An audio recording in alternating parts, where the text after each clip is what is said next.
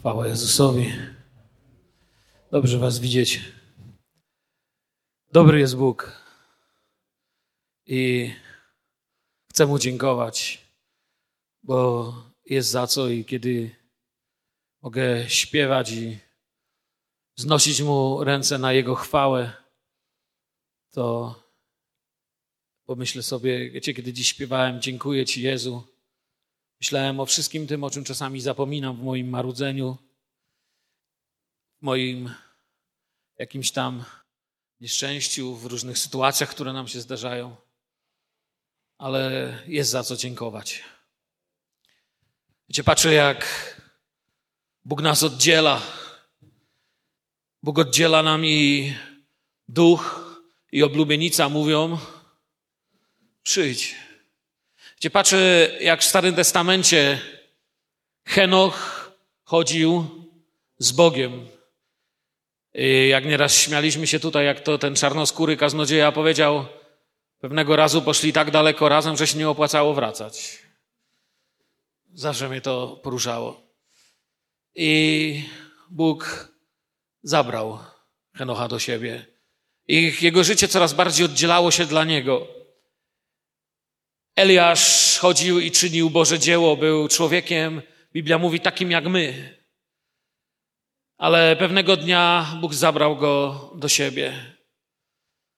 Estera była prostą kobietą, człowiekiem jak my, ale przygotowywał ją sługa na spotkanie z królem. Ten sługa reprezentował Ducha Świętego, przygotowującego oblubienicę i pewnego dnia weszła do pałaców królewskich i wypełniły się czasy. Wiecie, kiedy Bóg przygotowuje swoje, często nad światem zapada powolny mrok i ciemność. Zawsze idzie to ku rozdzieleniu. Zawsze te pięć panien wchodzi na ucztę, ale pięć pozostaje w ciemności. Dwóch położyło się na łożu, jednego nie ma, jest w radości, drugi zastanawia się, dlaczego nie wybrał Jezusa. Znacie te wszystkie przypowieści biblijne. Chciałbym dzisiaj, jeżeli macie Słowo Boże, powiedzieć Wam trochę, myślę, o tym, w jakich czasach żyjemy. Żyjemy w czasach ostatecznych, w czasach, kiedy Kościół musi bardzo patrzeć na Jezusa, kiedy Kościół jest właśnie w takim momencie, jak te sytuacje, o których mówiłem ze Starego Testamentu, gdzie Kościół, prawdziwy Kościół, oblubienica Jezusa oddziela się coraz bardziej dla Jezusa, a cała reszta bez względu na to, co robi, po prostu robi tam jakieś swoje liturgiczne, religijne działania, ale nie ma w tym przemiany i rzecz jest w tym, że nie mamy żadnej gwarancji, wiecie, nie, nie gwarantuje nam zbawienia tabliczka na ścianie, którą mamy, to, że jesteście gdzieś zapisani, to, że jakąś aktywność prowadzimy religijną, to, że chodzimy do kościoła. Jezus nas zmienia i dla Jezusa będziemy żyć. Dla Jezusa chcemy służyć, do Niego chcemy być podobni i On nas chce zabrać do siebie. Chciałbym, byście otworzyli księgę Zachariasza, jeśli macie. Zachariasz, pierwszy rozdział i chciałbym od ósmego wersetu przeczytać coś, co jest początkiem, gdzie wiecie, ze Starego Testamentu Duch Święty sięga wzrokiem w czasy ostateczne, w czasy Kościoła i w czasy Izraela. W czasy, w których dzisiaj, czasy, w których dzisiaj żyjemy. Zachariasz 1, 8, 11. Miałem widzenie nocne. Oto pewien mąż siedział na rudym koniu, a stał on wśród mirtów w dolinie za nim zaś były konie rude, ciemnogniade i białe. I zapytałem, panie mój, co one oznaczają? Wtedy odezwał się mąż, który stał wśród mirtów i rzekł, to są ci, których Pan posłał, aby obeszli ziemię. I przemówiwszy, zdali sprawę aniołowi Pana, który stał wśród mirtów tymi słowy. Obeszliśmy ziemię, a oto cała ziemia żyje bezpiecznie i w pokoju. Gdzie na ziemi nigdy nie było bezpieczeństwa i pokoju. Na ziemi nigdy człowiek może tak mówić, ale Bóg wie, że to, co człowiek nazywa pokojem, to, co nazywa swoją stabilnością, będzie naruszone, ponieważ to nie zda, nie przejdzie tego testu, który należy do Królestwa Bożego. Słowo Boże mówi nam w innym miejscu Zachariasza, że oni poszli do czterech królestw. Wiemy, że Biblia jakby nam pokazuje takie cztery królestwa. Królestwo północy, jak wierzą niektórzy, chodzi o Rosję. Królestwo wschodu, czyli Chiny i cała Azja. Królestwo zachodu, czyli nasza cywilizacja i królestwo południa, czyli islam. I to wszystko zaczyna być poruszane, zaczyna się coś dziać na świecie i Bóg chce i zaczyna nam odsłaniać, abyśmy widzieli, ku czemu to idzie. Widzicie, objawienie Jana, czyli inaczej, innymi słowami, apokalipsa Jana, to jest jedna z najbardziej wstrząsających i radośnie, i dramatycznie ksiąg. I jest to jedna z najbardziej prawdziwych ksiąg. Objawienie Jana jest bardziej aktualne niż gazety, które ukażą się za tydzień. To, co będzie pisało w gazetach za tydzień, my jeszcze nie wiemy, ale to już pisze od dwóch tysięcy lat w objawieniu Jana. To, co politycy odkryją za rok, my jeszcze nie wiemy, a Jan już dawno o tym pisze i Pana, któremu uwierzyliście i któremu poświęciliście swoje życie, nikt nie zaskoczy. Objawienie Jana, apokalipsa, ona jest jak Królestwo Boże. Wiecie dlaczego? Ona pokazuje atmosferę Królestwa Bożego, ponieważ dla jednych niesie radość, pocieszenie, obietnice. I to jest to, co w niej widzą. Inni, kiedy czytają Apokalipsę Jana, widzą w niej tylko śmierć, dym i straszne rzeczy, a tam jest jedno i drugie, ponieważ człowiek musi wybrać błogosławieństwo lub przekleństwo, życie albo śmierć. To jest nasz wybór, wybór Twojego zbawienia, wybór Twojej drogi za Jezusem. Wiecie, Apokalipsa, nawet przez to właśnie, że tak postrzega ją świat, to słowo dzisiaj się tak zmieniło, że kiedy na przykład, nie wiem, spadnie gdzieś grat i, i powywraca drzewa, ludzie mówią, wiesz, to była apokalipsa. To jest niezrozumienie tego słowa w ogóle. Widzicie, słowo apokalipsa, niewielu ludzi rozumie w ogóle, co to znaczy. I dlatego dobrze nam to słowo Boże przetłumaczyli nam tłumacze. Jedni piszą apokalipsa według świętego Jana, a inni piszą objawienie według świętego Jana. Ludzie, tak jak mówię, myślą, że to słowo oznacza, nie wiem, kataklizmy i koniec świata, to słowo wcale nie oznacza kataklizmów i końca świata.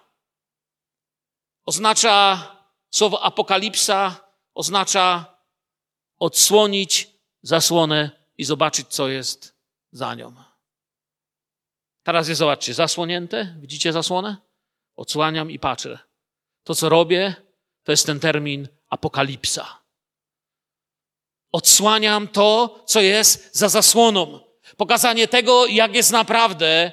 I Słowo Boże pozwala nam spojrzeć trochę na, za, za zasłonę i zobaczyć te dni, które idą, ponieważ świat się będzie bał. Wiecie, kiedy Żydzi się bali, kiedy naród Izraela się bał, kiedy drżeli, kiedy imperia i antychryści przemierzali świat i wstrząsali nim, Żydzi brali księgę Daniela i znajdowali tam pocieszenie. W księdze Zachariasza i w księdze Daniela odkrywali swoją siłę, odkrywali obietnicę, odkrywali to, że Bóg ma przygotowany plan. Kiedy bierzemy księgę objawienia Jana, Jezus jest główną postacią Bożego objawienia.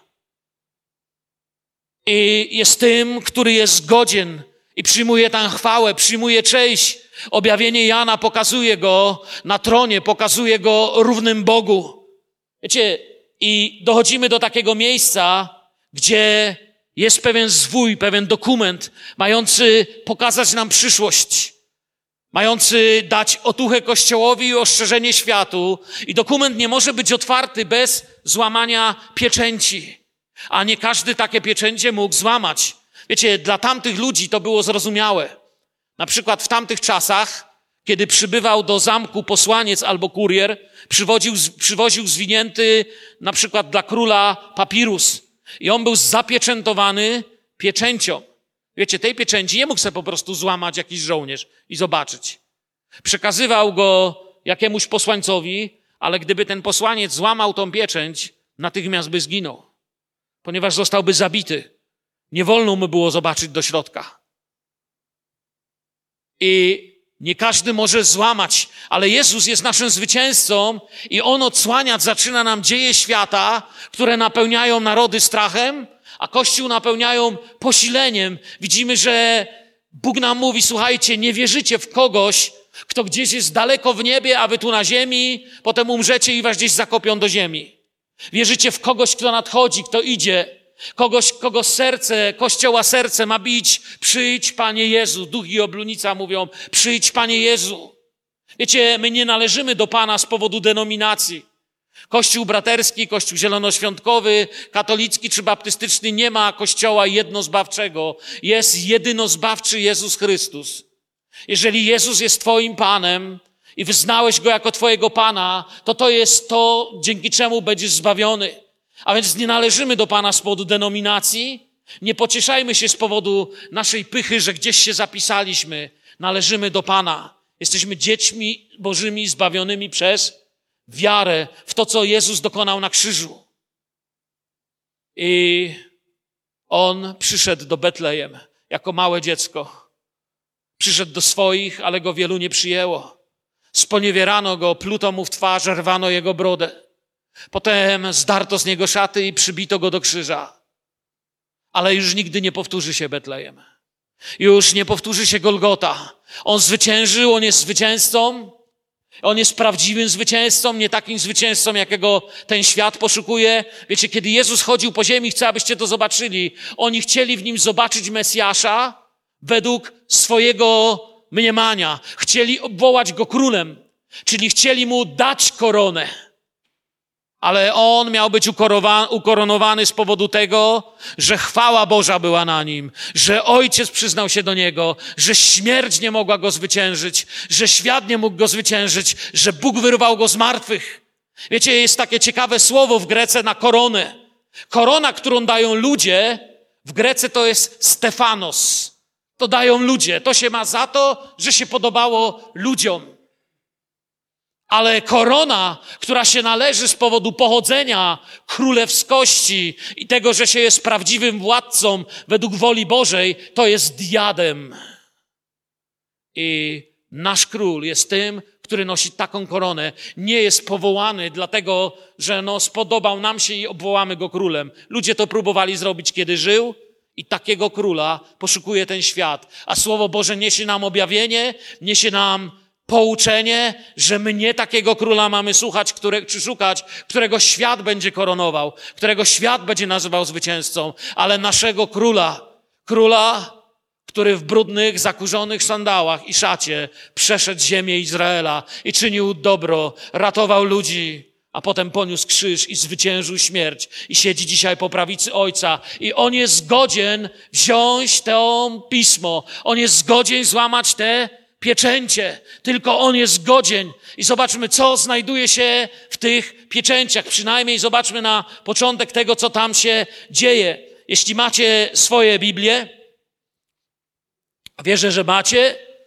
to otwórzcie na objawieniu Jana szósty rozdział. Objawienie Jana, szósty rozdział i tam się to dzieje. Szósty rozdział od pierwszego wersetu przeczytajmy.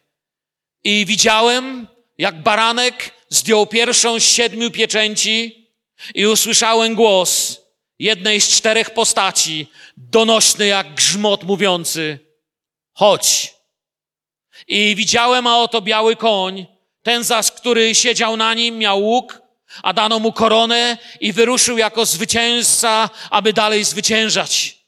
A gdy zdjął drugą pieczęć, usłyszałem, jak druga postać mówiła, chodź. I wyszedł drugi koń barwy ognistej, a temu, który siedział na nim, dano moc zakłócić pokój na ziemi, tak by mieszkańcy jej zabijali się nawzajem i dano mu wielki miecz. A gdy zdjął trzecią pieczęć, usłyszałem, jak trzecia postać mówiła, chodź. I widziałem, a oto koń kary, ten zaś, który siedział na nim, miał wagę w ręce swojej. I usłyszałem, jakby głos pośród czterech postaci mówił, miarka pszenicy za denara i trzy miarki jęczmienia za denara, a oliwy i wina nie tykaj. A gdy zdjął czwartą pieczęć, usłyszałem głos czwartej postaci, która mówiła, chodź. I widziałem, a oto siwy koń, a temu, który na nim siedział, było na imię śmierć. A piekło szło za nim i dano mu im władzę nad czwartą częścią ziemi, by zabijali mieczem i głodem i morem i przez dzikie zwierzęta ziemi. I zobaczyłem. Zwróćcie uwagę, że proroctwo zaczyna się od słów i zobaczyłem. Jaki to jest czas? Przyszły czy przeszły? Przeszły, było. To się stało. I zobaczyłem. On nie mówi i zobaczę, albo i może zobaczę, ale nie wiadomo, czy zobaczę. Nie. On z pewnością pisze i zobaczyłem. Mamy tu czas przeszły. Dlaczego? Ponieważ prorok to widział, Jan to zobaczył, cała duchowa rzeczywistość to zobaczyła, narrator to zobaczył, ale w tym jest też pocieszenie dla nas. Wiecie, jakie jest pocieszenie w tym i zobaczyłem dla Kościoła? Kiedy czytacie i zobaczyłem, możecie podnieść do góry wasze ręce i powiedzieć: Chwała Bogu, mam Boga, którego nic nie zaskoczy. Mam Boga, który widzi od początku do końca. Nie mam Boga, który mi mówi: Wiesz co, dziecko, zobaczę. Jak dam rady, to ci pomogę. Mamy Boga, który mówi: Dzieci, ja zobaczyłem. Ja wiem, wiem przez co pójdzie droga, a wy możecie wybrać moją drogę. Jeszcze tego nie było, a Bóg już to widział. Jak mówię, mamy dziś objawienie Jana bardziej aktualne niż gazety, które będą jutro. Jeszcze tego nie było, a Bóg już to widział, zobaczył i nam przekazuje. Nie, nie musimy, wiecie, dlaczego wierzący człowiek nie musi chodzić do różnych wróżbitów, do różnych cyganek. Nie musi się zajmować okultyzmem, ponieważ wierzący człowiek nie musi y, słuchać diabelskich kłamstw na temat tego, co będzie. My wiemy, co będzie. Jezus zwyciężył i jest z nami, a my w przyszłości będziemy na zawsze z Nim. To jest to, co się stanie. Wróżbiarstwo, wszelkiego rodzaju horoskopy, badanie przyszłości jest obrzydliwością w oczach Bożych. Jeżeli ktoś z Was wróżył z ręki, jeżeli ktoś z Was czyta horoskopy, jeżeli trzymacie to obrzydlistwo w swoim domu, to wiedzcie, że robicie coś, co się nie podoba Duchowi Świętemu i powinniście to wyznać jako grzech okultyzmu i pokutować z tego. Świat mówi, to jest zabawa, jesteś starodawny. Ja nie jestem starodawny, tylko wiem, co mówi Słowo Boże i wiem, że nie potrzebuję słuchać diabła, co ma do powiedzenia. Ja już wiem, co się stanie, ponieważ wiem, że Jezus zwyciężył i że przygotował mi miejsce i że przyjdzie po mnie i przyjdzie po ciebie i będziemy na zawsze z Nim. Bóg powiedział nam, jak być zbawionym, Bóg powiedział nam, jak być napełnionym Duchem Świętym, a teraz mówi, posłuchajcie dzieci, zobaczcie, przez co pójdzie ten świat. Zobaczcie, jakie jest wasze zadanie. Daję wam jeszcze więcej zachęty, byście trwali we mnie, byście głosili Ewangelię. Nie bójcie się tego, to się musi stać, ale wy należycie do mnie i nikt was nie wyrwie z Bożej ręki. Amen. Powiedzcie amen. Nikt was nie wyrwie z Bożej ręki, słyszycie? Jesteśmy Kościół, my się tym cieszymy. Macie wystarczająco dużo problemów i trudne życie, żeby dobrze dziś wykorzystać niedzielę i pocieszyć się tym, kim jest dla nas Jezus. Amen. Wielu z Was musi przez trudne sprawy iść. Wielu z Was nie ma łatwo. A Jezus Wam dziś mówi: Nie martw się, idziemy we właściwym kierunku. Jeśli jesteś z Nim, jeśli postępujemy według Jego ducha, idziemy we właściwym kierunku. Wiecie, wielu wierzących, to Wam powiem tak na ostrzeżenie, którzy przestają czytać Słowo Boże, stawiać zaczyna na wszystko oprócz Boga. Nam to słowo dlaczego jest dane, byśmy byli błogosławieni? Błogosławiony, który czyta słowa tej księgi. Dlaczego? Bo kto przestaje czytać te księgi, zaczyna stawiać i inwestować całkowicie w ten świat. I po czasie odkrywamy, że człowiek, który był wierzący, nie ma go w kościele. Zainwestował we wszystko, na wszystko ma czas. Tylko nie ma czasu już na Pana Boga, ponieważ odciął się najpierw od Słowa Bożego i mu serce zgorzkniało. Postawił na wszystko oprócz Boga i zaczyna powoli żyć, jakby go nie było. Jeśli przestaniecie trwać w Słowie, przestaniecie czytać Słowo Boże, zaczniecie stawać na wszystko oprócz Boga i szybko o nim zapomnicie, albo wam się przestanie wydawać taki realny. Będzie nam się wydawało, że możemy żyć byle jak, że możemy nie wybaczać i ciągle iść do nieba, że możemy grzeszyć i iść do nieba, że właściwie grzech to nie jest nic takiego wielkiego. Bóg mówi, to jest problem, to jest to, co nas oddziela od Niego. Bóg nie mówi, że że, że nie ma na to lekarstwa. On mówi, jeśli zgrzeszyłeś, możesz to wyznać. Możesz, nie musisz w tym chodzić. To straszne, kiedy zaczynamy i żyjemy i kładziemy nadzieję w tym, co Bóg mówi, że już tego nie ma. Dzisiaj żyjemy w społeczeństwie, gdzie nasze dzieci są uczone trzech języków. Każdy tydzień mają tak zajęty, że powoli, wiecie, kiedy przyglądam się czasem, jak rodzice dziś wychowują dzieci, to myślę sobie, że powinni mieć konie wyścigowe, a nie dzieci. Te dzieciaki są tak zajęte, we wszystko położono właściwy nacisk, tylko zapomniano im powiedzieć o jednym. Że jest Bóg, że jest miłosierdzie, że jest miłość, że jest cisza, że jest przyjaźń, że jest zbawienie, że jest Duch Święty. Ale ci, którzy trwają w Słowie, kiedy czytasz Słowo, jesteś ciągle napominany do słuchania, do czuwania, do pokuty, do właściwych priorytetów. I to wszystko, co świat nam ofiaruje, to jest piękne, fajnie, że mamy różne możliwości dzisiaj. Ja, ja myślę, że to jest dobre, że możemy jechać na dobre czasy. Amen? Super. To jest dobre, że człowiek może realizować siebie, że może mieć hobby, że nie musicie chodzić z kijem po śmietnikach za chlebem, tylko możecie się realizować. To jest dobre, ale nie zapomnijmy, że to, co buduje człowiek, jest tylko na podpałkę. Wasz prawdziwy dom jest w niebie. To musicie serce zachować swoje w tym. Abyście usłyszeli teraz, co teraz powiedziałem. I wracam do Słowa Bożego. Wyrusza czterech jeźdźców. Widzimy, jak antychryst, wojna, głód i śmierć wyruszają w drogę. I czytamy jeszcze raz dla przypomnienia ten pierwszy werset, zobaczmy drugi. I widziałem, jak baranek zdjął pierwszą z siedmiu pieczęci i usłyszałem głos jednej z czterech postaci, donośny jak grzmot mówiący chodź. I widziałem, a oto biały koń, ten zaś, który siedzi, siedział na nim, miał łuk, a dano mu koronę i wyruszył jako zwycięzca, aby dalej zwyciężać. Widzicie, ludzie tamtych czasów, kiedy czytali to ludzie kiedyś, od razu kojarzyli, że ta, oni kiedy wyobrażali sobie tą postać, my to dzisiaj mamy tak troszeczkę, wiecie, nam się biały koń kojarzy ze sportem. Albo z jakimiś pięknymi koniami arabskimi. Ale człowiek tamtych czasów od razu wiedział, że chodzi o wojownika partów. Oni ubierali się na biało, na białych koniach jeździli, ich białe konie umiejętności były legendarne wśród Rzymian, naprawdę potrafili walczyć, byli bardzo groźni.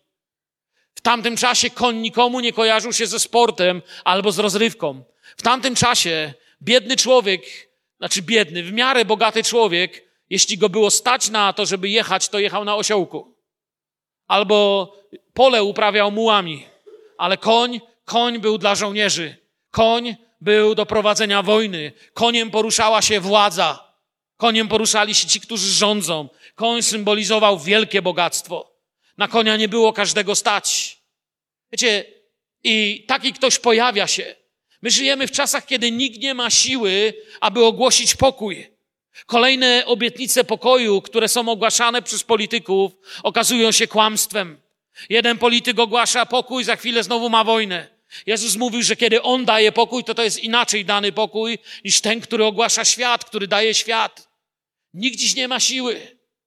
Zobaczcie na Bliskim Wschodzie, jak byłem dzieckiem, małym dzieckiem, to w wiadomościach niczego innego nie słyszałem, jak to, że tam się biją, a wy? I zdążyłem wyrosnąć i dalej się tam tylko biją i nikt nie może znaleźć wyjścia. Każda kolejna religia, partia, kandydat mówi, że chce pokoju, dobrobytu, a okazuje się większym kłamcą niż poprzedni. Politycy, którzy mówią ludziom, chcemy pokoju, okazują się złodziejami, egoistami, w ogóle im nie zależy, jak gdyby gdzieś zniknęli ludzie, którym zależało na ludziach, na im, ich dobrobycie. Często widzę, wiecie, ostatnio, kiedy patrzę nie tylko w jednym kraju, patrzę na kilka krajów, widzę, że wybory wygrywają ludzie, którzy w ogóle ich nikt nie pyta, czy muszą być kimś dobrym, sprawiedliwym. Wystarczy, że dużo obiecają, dużo naobiecują i wszystko jest dobrze. Ja chcę Wam powiedzieć, jako Kościół Jezusa Chrystusa, Wy już dokonaliście wyborów, jesteście po wyborach. Wybraliśmy Jezusa Chrystusa. To jest mój wybór. Dokonałem mojego wyboru i ja już nawet przed wyborami wiem, kto go wygrał, bo mam tą księgę. Wiem, kto te wybory wygrał. Wiecie, ludzie zawsze wybierali źle. Człowiek zawsze widział źle i wybierał tak, że potem żałował tego. I wybierał już wielu, przyszło na białym koniu, który obiecywał pokój, stabilność, zwycięstwo. W 1933 roku doszedł do władzy Adolf Hitler. Obiecywał ludziom tysiącletnie królestwo dobrobytu. Obiecywał ludziom tysiąc lat stabilności i pokoju. Swoje problemy rozwiązywał jednak zupełnie inaczej, mordując, ponieważ mówił, że potrzebna nam jest przestrzeń życiowa. Tak jak dzisiaj ludzie rozwiązują swoje problemy też mordując. Jeżeli kopniesz dzisiaj psa, to cię jakiś sąd może skazać na trzy lata więzienia. Ale jak usuniesz z łona matki dziecko i spuścisz go do kanalizacji, to mówią, że to jest wybór taki. Kiedy weźmiesz i rozdeptasz jakiegoś robaka, który jest pod ochroną, dostaniesz potężną karę, boś rozdeptał, bo to jest teraz ekologia. Ale kiedy własną starą matkę albo ojca wyłączysz z aparatury, albo zgodzisz się, żeby lekarze podali mu trujący zastrzyk, to powiedzą, to jest taki wybór, twoje prawo, eutanazja. Świat żyje w duchu antychrysta, a Kościół bardzo często tego nie chce zobaczyć. Problemy rozwiązuje się przez mordowanie, tak jak Hitler. Szpitale, w których dokonuje się aborcji, nazywają się szpitale. Powiedzcie mi, jak się nazywa szpital, z którego ze stu pacjentów, którzy do niego wchodzą, tylko pięćdziesięciu wychodzi żywych? Czy to jest szpital? Na sto matek w ciąży, które przychodzą dokonać aborcji, to tak naprawdę wchodzi 200 ludzi, bo matka w sobie nosi co? Dziecko. Kiedy wychodzi potem sama, to gdzieś to dziecko jest. Czyli jak się nazywa szpital, w którym się morduje połowę pacjentów, którzy do niego przychodzą w tej sprawie? Zboczenia nazywa się normalnością. To tak jakby udawać, że kiedy pada grad, to ktoś mówi, wiesz, to nie jest grad, ja akurat zamówiłem lód do coli. Udajemy, że nic nie widzimy. I zwycięstwo sobie obiecuje świat. Ja jestem miłośnikiem historii, wiecie, widziałem już takie zwycięstwo jeźdźca na białym koniu, który obiecywał pokój, który dotyczy choćby historii Czechosłowacji. Kiedy w 1938 roku podpisano układ monachijski, kto z was pamięta, to jest historia Czech. Poświęcono Czechy w układzie monachijskim.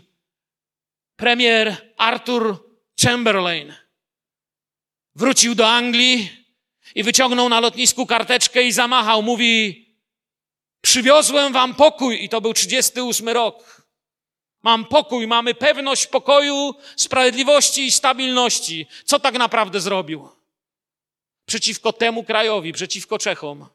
Zebrali się Niemcy, Francuzi, Anglicy i radzili. I wyradzili, że oddamy Czechy Niemcom i będzie pokój. Nikt nie pytał Czechów w Czechosłowacji o zdanie.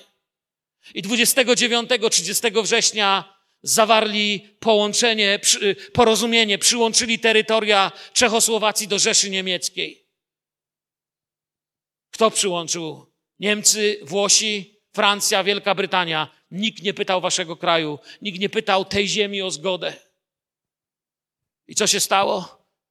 Czeska armia, jedna z najlepiej uzbrojonych i wyszkolonych armii w 1938 roku, poddała się prawie bez jednego wystrzału. Resztki czeskich żołnierzy uciekły do Polski. Dopiero tam w czasie kampanii wrześniowej pokazali, jak potrafi walczyć czeski żołnierz. Bez wystrzału zdradzono, bo ktoś machał karteczką i krzyczał pokój. Pokój na białym koniu. To tylko historia. On powiedział, przywiozłem pokój, chociaż nic nie przywiózł. Ustępował diabłu. Kiedy machał kartką, był 38 rok, dwa lata potem Londyn płonął pod bombami Luftwaffe. Cztery lata potem tysiące, tysiące, tysiące Żydów wchodziło do komór gazowych, dlatego że mocarstwa odwróciły się, bo mówiły pokój, pokój i dobrobyt. Taki jest pokój jeźdźca na białym koniu. Takie zwycięstwo i taki pokój po nim proponuje biały jeździec, pierwszy, który się pojawia. Wiecie, największym problemem z tą postacią białego jeźdźca jest to, że mamy, że wielu ludzi ma problem z rozpoznaniem jest. Wielu ludzi myśli, że to jest Jezus. To nie jest Jezus, to jest antychryst. Właśnie dlatego tak trudno zauważyć go i pomylić, bo to jest antychryst, czyli jakby lustrzane odbicie Jezusa. Lustrzane to znaczy wszystko na odwrót. Tam, gdzie Jezus dałby miłosierdzie, On daje wyrok. Tam, gdzie Jezus dałby życie, On niesie śmierć. On jest odbiciem. To jest antychryst. To tak jak w lusterku, kiedy widzisz siebie, to nie widzisz siebie, widzisz swój antyobraz. To, co ty masz po prawej stronie, tam jest po lewej. Widzisz wszystko inaczej. I myli nas tutaj ta biel. Pokój, który niesie, nie jest trwały. I tak jak mówię, to nie jest Jezus, to jest antychryst, który pozwoli powiedzieć ludziom, że ich Bóg Nasz Bóg toleruje ludzkie metody, toleruje to, co ludzie lubią, toleruje, niech będzie tak, jak chcecie. Niosę wam zwycięstwo i pokój. I On chce ogłosić światu jedną religię, jedną walutę, jedność zwycięstwa nad chorobami i nędzą. Gdzie, przyjaciele, dzisiaj jest wiele ruchów ekumenicznych. Ekumenia polega na tym, że zbierają się ludzie z różnych kościołów, i radzą, i czasami to robią fajnie, czasami to robią mniej fajnie. Ja wiem jedno, jest też Boży sposób na połączenie wszystkich. Wiecie, jak się nazywa ten Boży sposób? Ten Boży sposób połączenia wszystkich nazywa się chrzest Duchem Świętym. Kiedy Duch Święty zostaje wylany na Kościół, wtedy nieważne z jakiego jesteś Kościoła, jesteśmy jedno.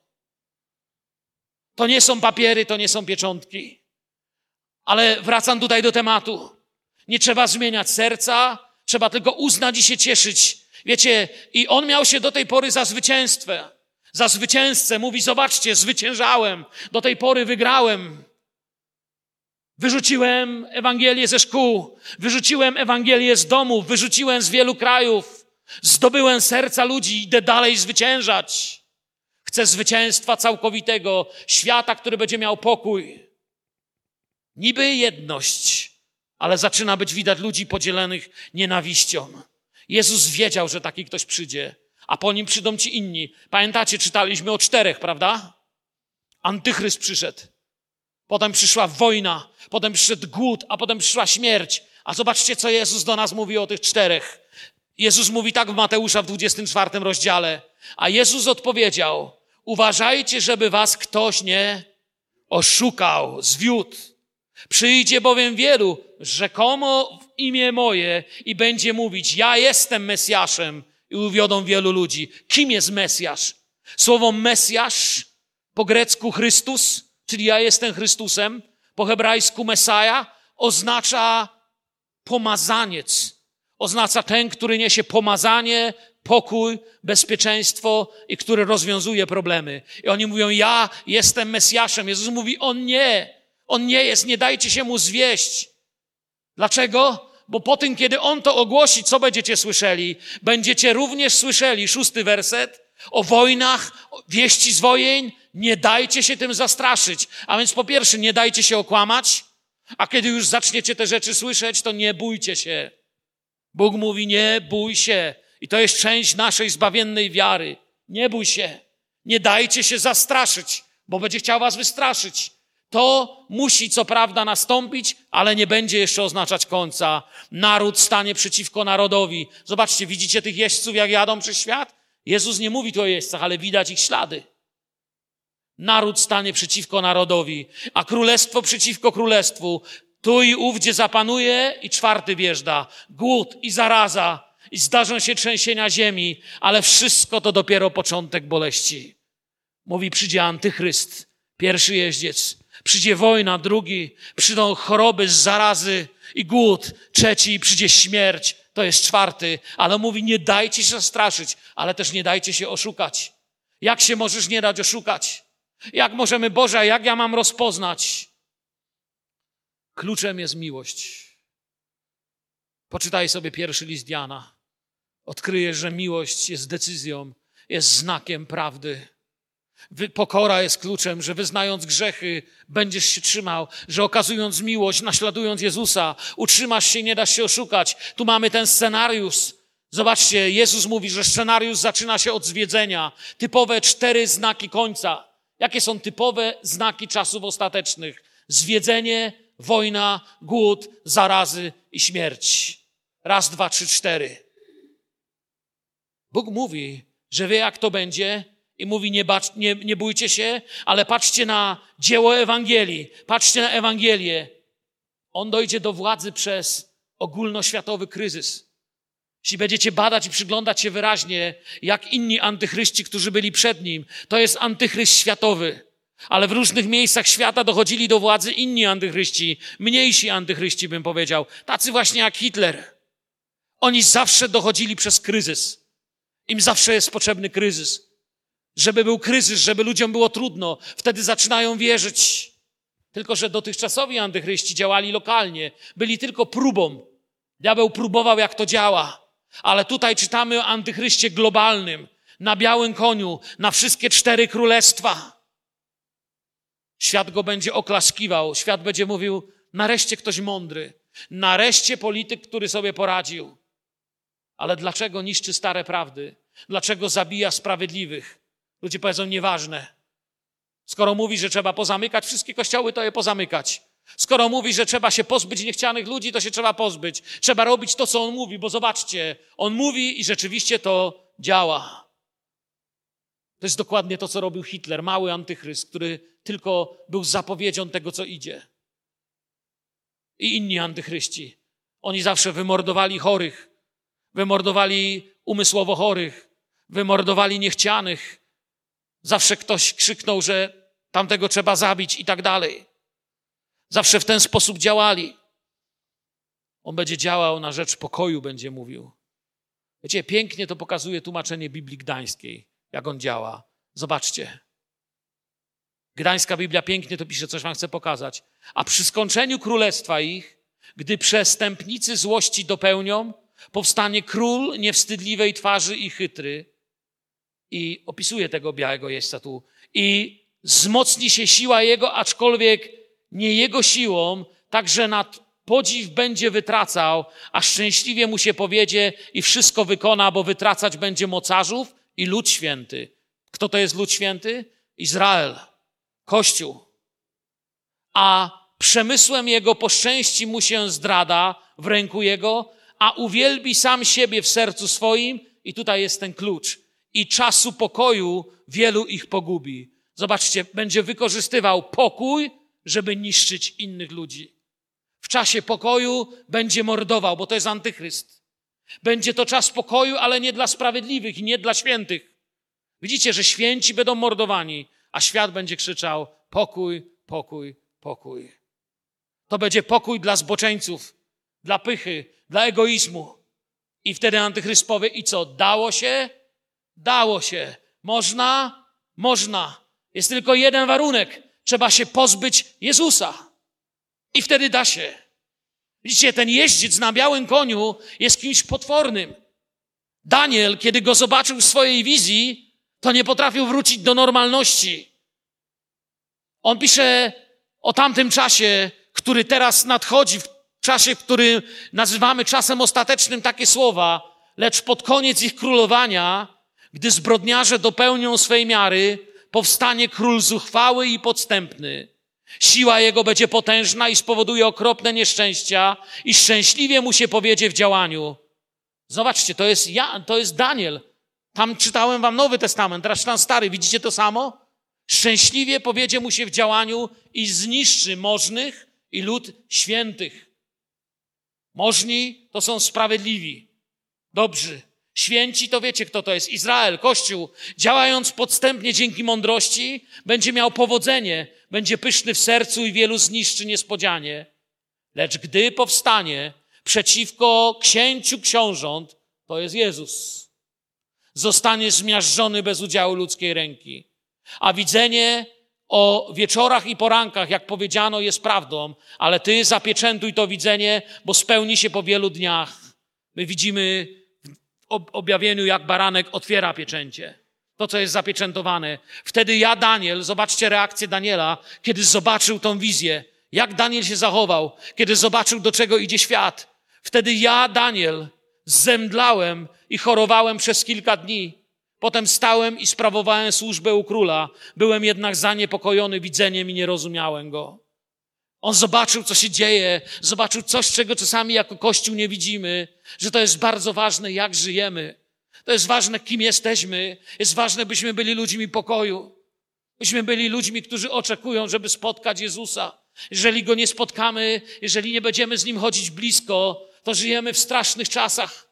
Prorok zobaczył, co idzie na świat i mówi, ja Daniel zemdlałem. Nie takie rzeczy widział, ale zemdlał. Biblia mówi, że takie rzeczy będą się działy, że ludzie będą ze strachu mdleć. To nie będzie jakiś, wiecie, komputer, jakaś partia, to będzie potężna władza, antychryst, któremu świat odda pokłon. Człowiek, który powie: Mam rozwiązanie dla ludzi. I ja myślę, że już właśnie wyruszył na świat. Ma rozwiązanie. Kiedy patrzę, wiecie, na wiadomości, to strach je oglądać coraz częściej. Kiedy patrzę, co się dzieje na świecie, teraz już globalnie, nie lokalnie. Ciekawa rzecz jedna jest tutaj. On ma łuk. W swojej dłoni ma łuk, zauważyliście? Ma łuk, aby walczyć z każdym, kto się sprzeciwi. Łuk to jest cicha broń, niszcząca na odległość. Łuk to jest symbol też apokaliptyczny symbol sądu i wyroku. Czyli kiedy ktoś zostaje namierzony, to posyła się na niego wyrok. On ma łuk bez strzał. Nic nie pisze tutaj o strzałach. Nie wiemy dlaczego, ale wiemy, że łuk to jest, jak mówię, taka broń podstępna. Cicho, ktoś żyje i nagle go nie ma. Dlatego, że on jest oskarżycielem i z daleka może niszczyć. On z daleka oskarża. Jeszcze nie zdążysz nic powiedzieć, on już cię oskarża. Już mówi, że jest nie tak. Jego głównym wrogiem jest Kościół i jest Izrael jego głównym wrogiem. Tam się to wszystko będzie rozgrywać. Tam się to będzie działo, wiecie. Bóg to ma w centrum tamtą ziemię. I dlatego my jako Kościół modlimy się, błogosławimy ich, ale też wiemy, że jako Kościół należymy do Pana, a On ma ten łuk na nas. On chce podstępnie, po cichu nas eliminować. Ale Jezus mówi, nie bój się. Wiecie, gdzie jest nasz ratunek? Trwajcie we mnie, a ja was. Jeżeli jestem w Nim, to żeby mnie dotknąć, trzeba najpierw dotknąć Jego. W Nim mamy trwać. A poza tym mamy wierzyć. Gdzie jest tak napisane? Jest napisane, że będą w nas lecieć pociski złego. Ale Duch Święty przez apostoła Pawła mówi nam, a przede wszystkim, przede wszystkim, zanim cokolwiek innego, przede wszystkim weźcie tarczę wiary, uwierzcie, tarczę wiary, którą będziecie mogli zgasić wszystkie ogniste pociski złego. Bóg nie da mu zwyciężać na tym białym koniu. Dlatego następny koń będzie inny. I jest napisane, a kiedy zdjął drugą pieczęć, usłyszałem, jak druga postać mówiła, chodź. I wyszedł drugi koń, barwy ognistej, a temu, który siedział na nim, dano moc zakłócić pokój na ziemi, tak by mieszkańcy jej zabijali się nawzajem i dano mu wielki miecz. Proste teraz widzimy coś. Gdyby pierwszy jeździec na białym koniu był Jezusem, no to tego by już nie było, bo by zapanował wieczny pokój. Wszystko zostałoby rozwiązane, ale nadchodzi drugi. Ale ten pokazuje, że biały nic nie naprawił, a tylko zaognił sytuację. Gdzie się podziały wszystkie obietnice białego? Ludzie starali się, zainwestowali, uwierzyli, uwierzyli, że są w stanie coś zrobić, i nagle się okazuje, że to wszystko tonie. Tym razem nie ma łuku, bo łuk był z daleka. Tym razem w ręku jest miecz. A miecz to jest broń, która dosięga, dotyka. Trzeba się z nim zetknąć, żeby zabił. Trzeba się z nim zetknąć, żeby działał. I to jest również narzędzie sądu, ale jest to sąd bezpośredni, uderzający już człowieka. Jego sposoby sprowadzają ogromne kłopoty na świat. Bóg ma jednak wszystko pod kontrolą. Ja myślę, że ten jeździec też już wyruszył na świat. Kiedy patrzę w wiadomości, jeszcze nigdy, nigdy na świecie nie było tak źle, jak jest teraz. Nigdy nie byliśmy tak wyczerpaną planetą ekologicznie, politycznie i militarnie jak teraz. Jeszcze kiedyś można było uciekać na wschód, albo na zachód, albo na północ, albo na południe. Jeszcze w czasach II wojny światowej można było wsiąść na okręt i dokądś uciec. Dzisiaj żyjemy w czasie, kiedy gdziekolwiek popatrzycie, już powoli nie ma dokąd uciekać. Już tylko jeden kierunek ucieczki został. W górę. Bo już nie ma po co uciekać na zachód, nie ma po co uciekać na wschód. Ten jeździec w niektórych miejscach świata jedzie już w pełnej chwale, swojej chwale oczywiście. Jego wielki miecz porusza coraz więcej. Jego opis tego, jak działa, nie mam czasu dziś wszystkiego czytać. Jeśli zobaczycie księgę Ezechiela, 38, 39 rozdział, tam jest pokazana jego niszczycielska działalność, to jak działa, to jak niesie śmierć, wojnę, to tam Ezechiel opisuje czasy ostateczne. Prorok zobaczył czasy ostateczne, zobaczył, co jest Izraelem, zobaczył, co się dzieje z Kościołem. Opis wielkiej bitwy i Bożego zwycięstwa. i pewność, że Kościół i Izrael nie zostaną zdradzone, nie zostaną pozostawione. Wróg się o nich rozbije. Wróg się rozbije jak o ścianę, dlatego że Bóg jest wierny. I ta wojna się, myślę, zaczęła i trwa na razie tak, jak jest.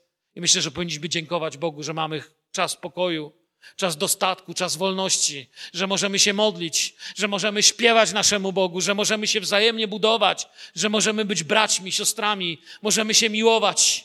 A gdy zdjął trzecią pieczęć, usłyszałem, jak trzecia postać mówiła: chodź.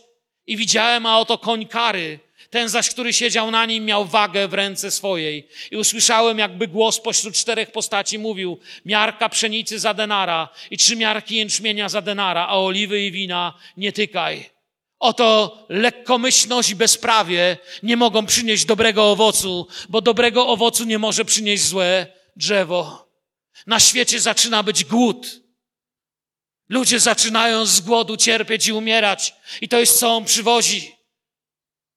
Już nikt nie wierzy w pokój i zwycięstwo. W to już przestali wierzyć. Teraz ludzie jeszcze chcieliby mieć coś do jedzenia, skoro już nic innego nie ma. Ale trzeci gość zaczyna stukać do drzwi domów ludzi. Kto tam?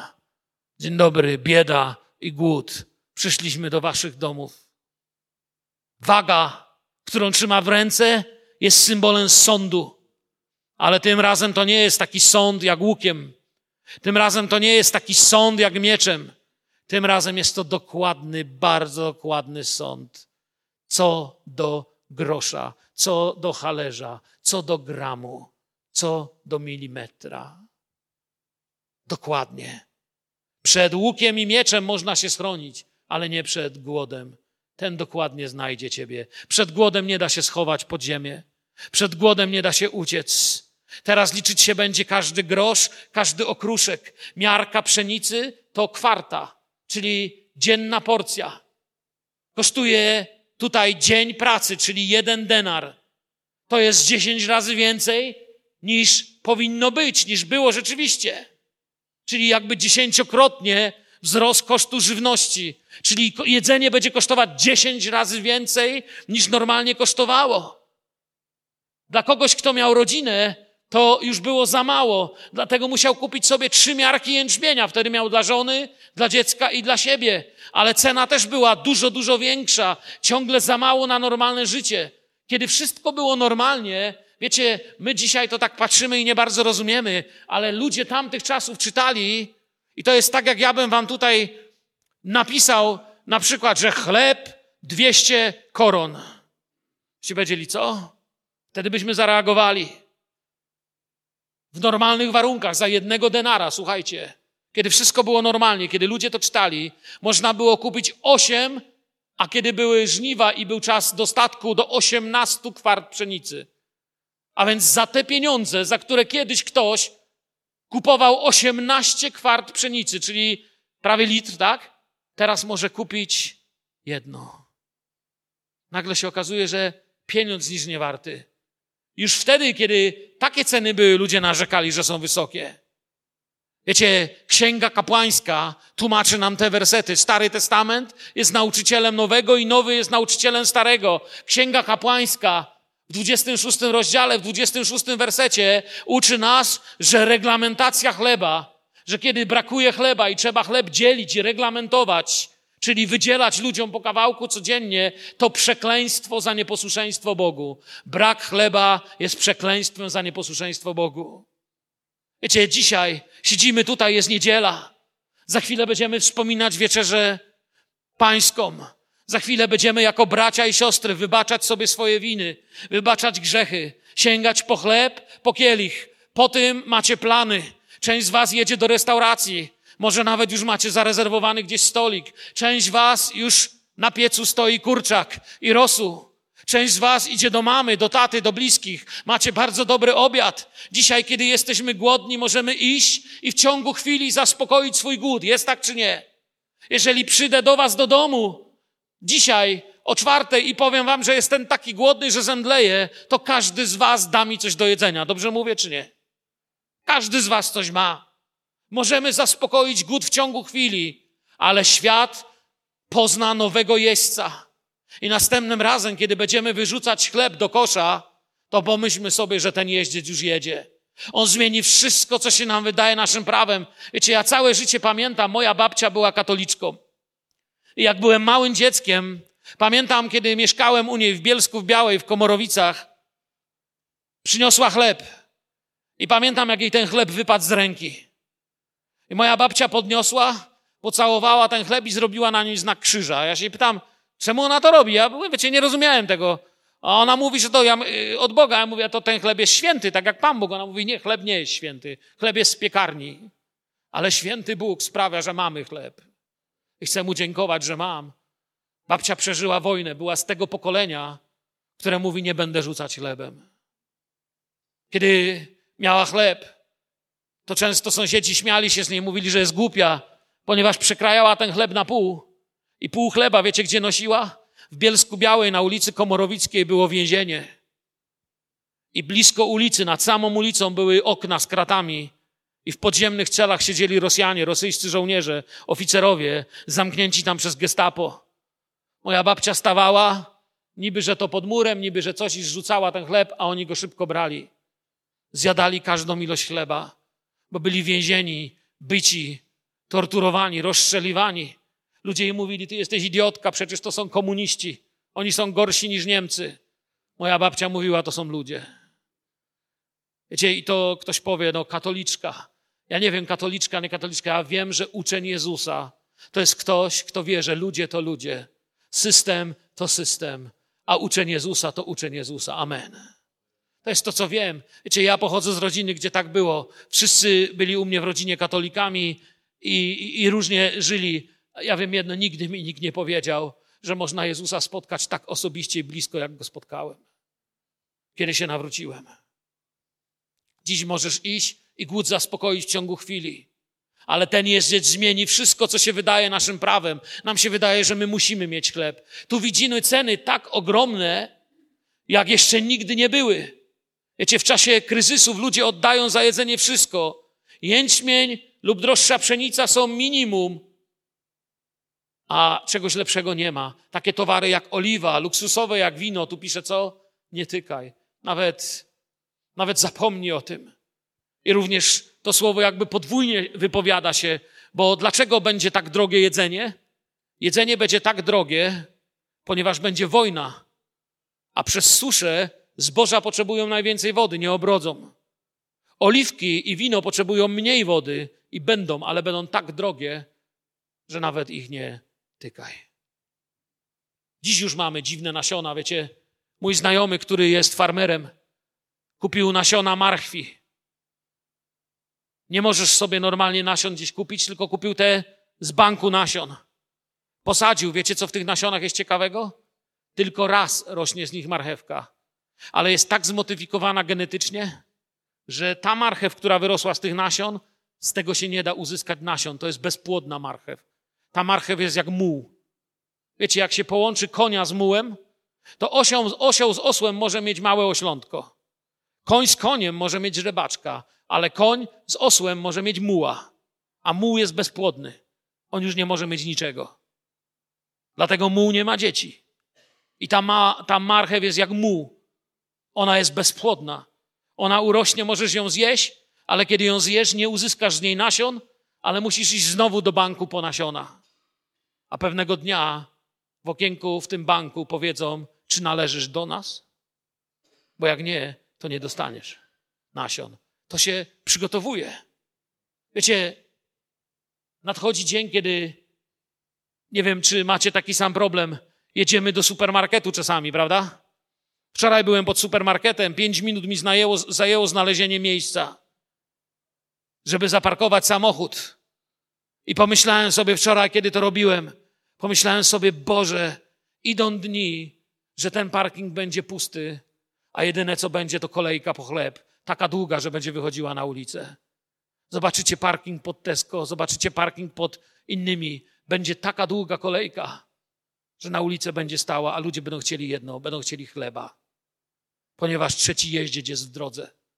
I Bóg mówi do Kościoła, aby Kościół był w tym wszystkim dzielny, aby był błogosławiony. Nie będzie już problemu z zaparkowaniem samochodu, bo nie będzie paliwa. kogo będzie stać na samochód. Wiecie, ludzie, którzy przeżyli gułagi, mówią, że w Rosji, na Syberii albo w obozach koncentracyjnych głód był tak potężny, że po miesiącach nie poznawali własnych bliskich. Dzieci nie poznawały matek, mężowie nie poznawali żony albo męża z powodu głodu. Ale mówią, największym wstrząsem w czasie głodu nie było to, że nie poznałem matki ani męża. Największym wstrząsem, jeden człowiek napisał we wspomnieniach, było to, kiedy pewnego razu poszedłem do SS-mana, który mnie wezwał do swojego gabinetu i wchodzę, on mi kazał czekać, a na ścianie wisało lustro. Spojrzałem na człowieka w lustrze i powiedziałem mu dzień dobry. Nie poznałem siebie. To jest to, co robi głód. Że ludzie nie poznają siebie. A gdy zdjął czwartą pieczęć, usłyszałem głos czwartej postaci, która mówiła: chodź. I widziałem, a oto siwy koń, a temu, który na nim siedział, było na imię śmierć, a piekło szło za nim. I dano im władzę nad czwartą częścią ziemi, by zabijali mieczem i głodem i morem i przez dzikie zwierzęta ziemi. Wiecie, gdy już nie ma normalności i pokoju i jedzenia, to co może przyjść? Jak już rządzi antychryst, przyszła wojna, przyszedł głód, to już zostało tylko jedno, co może przyjść. Śmierć. I śmierć i piekło myśli, że niesie, że idzie w marszu, że wszystko, że zwyciężyli znowu. Anioł śmierci znowu przemierza i znowu potrzebna jest wiara. Czytaliśmy dziś objawienie. Spojrzeliśmy za zasłonę. Powoli chcę kończyć, chcę przejść do wieczerzy. Chcę, abyście mogli za chwilę zamknąć oczy, pomodlić się i powiedzieć: Jezu, trzymaj mnie. Dziękuję Ci, że nic nie wyrwie mnie z Twojej ręki. Trzymaj mnie. Nie chcę być marudą, nie chcę być człowiekiem, który się zaniedbuje. Ale chcę Wam jeszcze powiedzieć parę wniosków z tego, co dziś powiedziałem. Kościół, który ma objawienie Jana w darze, jest błogosławiony. I Kościół, który ma objawienie i czyta, jest błogosławiony. Błogosławiony, który czyta słowa tej księgi. Biblia nam nie mówi, że kto czyta słowa tej księgi, to się wystraszy bardziej niż zanim ją przeczytał. Jeśli się boisz, to zastanów, dlaczego się boisz. Tak naprawdę o co się boisz? O co się boisz? Co się boisz utracić? Kto stoi przed Twoim Bogiem? Kościół, który ma objawienie w darze, już zwyciężył w Jezusie. Ja już zwyciężyłem śmierć, Chociaż być może jutro może być mój pogrzeb. Ja już zwyciężyłem śmierć. Kiedy mamy pogrzeby w naszym zborze, kiedy gdzieś usługuję na pogrzebie i to jest człowiek wierzący, to zawsze mówię, nie muszę mówić żegnaj, ale mówię do widzenia, bo zwyciężyliśmy śmierć. Nie musimy się bać. Amen. I Kościół zwyciężył. Zobaczcie, co przyniósł pierwszy jeździec. Kłamliwy pokój według norm tego świata. Zwyciężyliśmy go, bo my mamy prawdziwego księcia pokoju. Amen. Cieszycie się? Ja się cieszę, jest mi czasem trudno, ale cieszę się. To, co przyniósł drugi jeździec, brak pokoju i nienawiść, zwyciężyliśmy przez naszego króla pokoju Jezusa. Mogę wybaczyć każdą winę, mogę miłować każdego człowieka, mogę się prosić Jego o dar, o owoce Ducha Świętego w moim życiu. Brak pokoju i nienawiść nie muszą żyć w moim sercu. To, co przyniósł trzeci jeździec, nędzę, głodowanie, lichwiarstwo, zachłanność. Mogę zwyciężyć w Jezusie. Nie troszcie się o jutro, mówił. Nie, pol, nie martwcie się o jutro. Wiecie, my mówimy, jak się mogę nie martwić o jutro? Przecież tyle rzeczy jest do załatwienia. On mówi, uważaj, bo któregoś dnia wszystkie z tych rzeczy mogą nie być do załatwienia, bo zwyczajnie ich już nie będziesz miał. Mnie masz. Masz swój kościół, masz braci, masz siostry, nie musisz się troszczyć, mamy siebie. Oraz to, co miał czwarty, śmierć, piekło, chaos, totalne bezprawie, zwyciężone, to wszystko w Jezusie, widzicie? Wszystko, co tych czterech niosło, jest zwyciężone w Jezusie. On nie jest jakąś opcją. Wiecie, co znaczy opcja, prawda? Opcja to znaczy w prawo albo w lewo. Czarne albo białe. Wybór. Opcja. Bóg nie jest opcją. Kiedy patrzę, Bóg nie jest opcją. On jest naszym zwycięzcą, On jest naszym pokojem, On jest naszym chlebem, On jest naszym życiem. Amen? Zobaczcie, wszystko to, co chcą zniszczyć ci jeźdźcy, Jezus mówi, że On tym jest. Jeden chce zniszczyć pokój, Jezus mówi, ja wam daję pokój. Jeden chce zniszczyć y, całkowicie y, wojnę wprowadzić i walka. Jezus mówi, we mnie schronicie się, ja was ocalę, macie we mnie prawdziwy pokój. Trzeci chce zniszczyć i głód przynieść, a Jezus mówi, ja jestem chlebem. Ja jestem wodą, kto we mnie wierzy, kto ze mnie spożywa, nie będzie pragnął, nie będzie głodował. I mówi nam przez Ducha Świętego, Biblia tak jeszcze nigdy nie widziałem sprawiedliwego, aby musiał żebrać o kromkę chleba. Nigdy. Mówi, nie bój się, masz mnie. On jest naszym życiem. Pamiętajcie, że jeżeli pójdziemy w drugą stronę, jeśli zwycięży nasz świat i zaczniemy mocno polegać na tym świecie, to przyjdzie niedostatek. Z niedostatkiem przyjdzie nienawiść, a z nienawiścią przyjdzie śmierć. Widziałem to wiele razy. Miałem przyjaciół, którym tak odbił dobrobyt i tak im odbiły pieniądze, stanowiska i biznes, że najpierw zapomnieli czytać Biblię, a potem zapomnieli już, kiedy jest niedziela. Wiecie co? Parę lat później modliłem się o tych ludzi, kiedy nie mieli nic. Nic, nic, nic. Mówię, dobrze, że nie masz nic. Bóg cię tak bardzo kocha, że jednak nie pozwolił, żebyś zginął. Prawdziwy Pan przybędzie na białym koniu, ale to nie ten. Wiecie, gdzie on jest opisany? On jest opisany w dziewiętnastym rozdziale objawienia. W dziewiętnastym rozdziale objawienia przybywa prawdziwy na białym koniu, kiedy przynosi pełną wolność, pełne życie. I jak już mówiłem, jego korona jest inna.